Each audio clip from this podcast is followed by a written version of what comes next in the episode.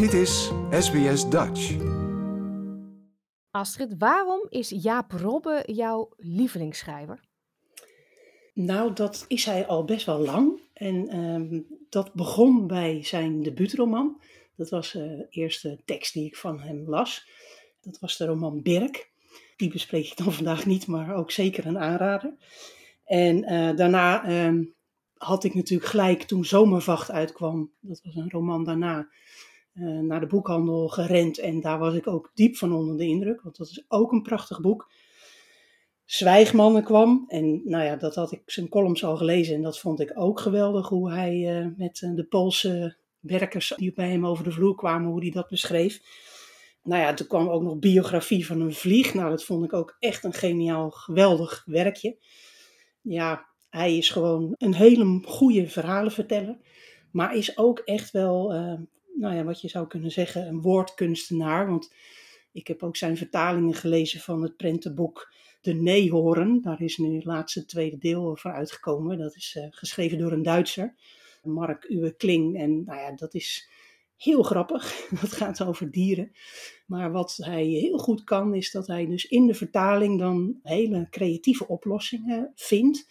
Waar de humor dan eigenlijk niet verloren gaat. En ik weet dat dat uit ervaring dat dat gewoon eigenlijk het moeilijkste is van vertalen. En eh, dat kan hij ook heel goed. Dus het is gewoon een, eh, ja, een allround goede schrijver, woordkunstenaar en volgens mij ook nog een heel fijn mens.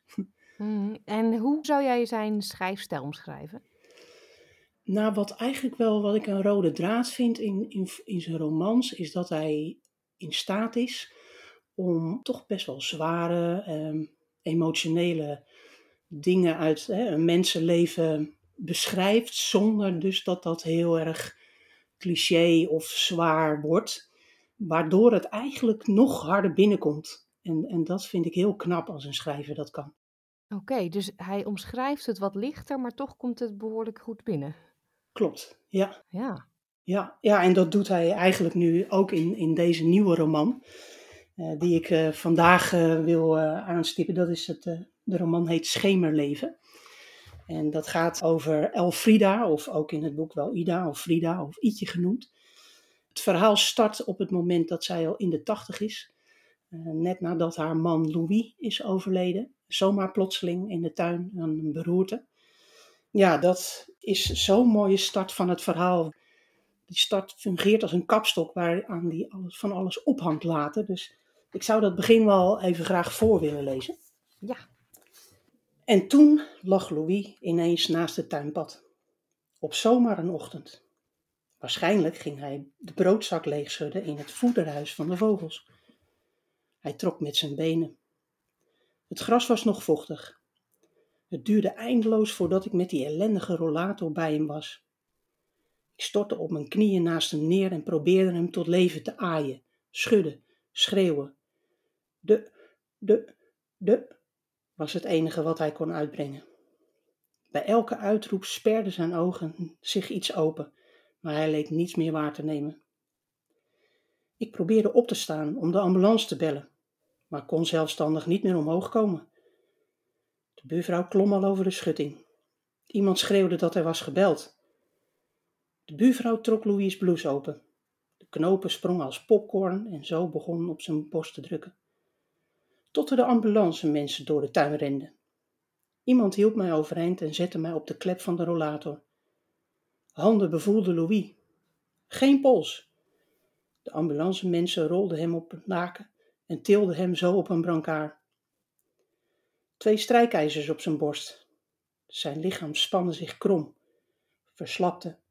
Zijn handen vielen open. Hij had zich overgegeven. Geen pols. De ambulancemensen probeerden het nog eens. Vervolgens duwden ze de brancard door de keuken naar de gang. De theepot spatte op de keukenvloer uiteen in spetters en scherven. Ik ging achter hen aan, greep me vast aan deurlijsten, muren, een stoel, de jassen aan de kapstok. Achter me viel alles om. Louis, riep ik, Louis. De ambulance voor ons huis had de hele buurt naar de ramen gelokt. Alles lichtte pulserend blauw op. Er was een deken van gouden folie over Louis heen geslagen. Waar brengen jullie hem heen? Terwijl de brancard in de ambulance werd geduwd, zag ik uit de kokon van de warmtedeken zijn grauw-witte voetzolen steken, weerloos, opzij gevallen. Ik kon enkel roepen: Louis, Louis! Iemand moest die voeten warm houden. Waar brengen jullie hem heen? De achterdeuren werden dichtgegooid. Niemand leek te antwoorden. Zeg waar jullie hem naartoe brengen. Een andere ambulance stond verderop dwars over de straat. Twee broeders klommen achter in de ziekenwagen bij Louis. Jullie mogen hem niet van me afnemen. Er was plotseling een politieagent met haar gezicht dicht voor de mijne. Ik zag haar mond bewegen. Mijn gehoorapparaten vervormden alles tot gefluit en gegil. Later bleek dat ze door mijn gezweet waren gaan storen. Zeg het me alsjeblieft, smeekte ik. Waar brengen jullie hem heen? Een overbuurman die ik nauwelijks kende kwam naar buiten en probeerde mij te omarmen, te sussen. Ik zwierde me los, maar zonder mijn steun kon ik niet overeind blijven. De ambulance trok al op. Louis! brulde ik zo hard en diep en luid alsof ik naar een andere tijd probeerde te schreeuwen. Ik hoop dat hij me nog heeft gehoord. Zo, dat is een binnenkomer. Ja, dat is een verhaal. Dan denk je, ja, daar, daar zitten we dan gelijk middenin. Nou, zeker als je het boek verder leest, dan, tenminste, ik moest dan vaak aan dit fragment terugdenken, omdat er heel veel details in zitten, die later dan weer duidelijk worden.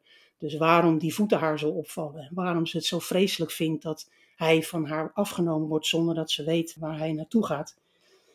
Ehm, en dat heeft dus te maken dat na dit uh, verhaal, dan uh, neemt Jaap Robbe ons mee naar haar verleden, dat ze nog uh, jonge Frida was. Die hoofdstukken wisselt ze af met de hoofdstukken dat zij dus, nou ja, nu Louis is overleden, die kan haar dus niet meer verzorgen, dus ze moet naar een verzorgingstehuis. En haar enige zoon Tobias, die helpt haar dan. En nou ja, die hoofdstukken die in het nu spelen, die worden dus afgewisseld met uh, de hoofdstukken van het verleden. En in het verleden dan uh, woont zij nog bij haar ouders. Haar drie oudere zussen zijn al getrouwd. En zij werkt in een bloemenwinkel en daar leert ze op een dag Otto kennen. En Otto is een wat oudere man, die is al een jaar of tien ouder dan zij. En getrouwd. Ondanks dat zijn ze heel, heel erg verliefd op elkaar. Hij draagt haar ook op handen en hij wil het ook voor haar goed doen, ondanks dat hij getrouwd is. Dat vind ik ook heel knap in dit boek, dat uh, de man in deze krijgt niet uh, de zwarte piet toegespeeld van nou, getrouwde man, wel, waar begin je aan? Maar dat is eigenlijk heel erg mooi. En dat beschrijft hij ook heel poëtisch, omdat Otto die heeft een hobby, eigenlijk van zijn vader overgenomen, dat hij bij op verschillende plekken nachtvlinders stelt. En dan eh, gaat ze op een avond ook met hem mee. En dan raakt zij ook helemaal gefascineerd door de schoonheid van die vlinders. En nou ja, dat is heel romantisch. En er is echt een klik en ze zijn echt uh, de botel. Maar ja, ondanks de voorzorgsmaatregelen die ze hebben genomen, raakt ze dan toch zwanger. Ja, en in die tijd, dat kan natuurlijk echt niet. Dat is een grote schande en uh, niet getrouwd. En dan ook nog eens een kind van een al getrouwde man. Nou, dat is dubbel zo erg. Dat is schande mm. in het kwadraat. Ja.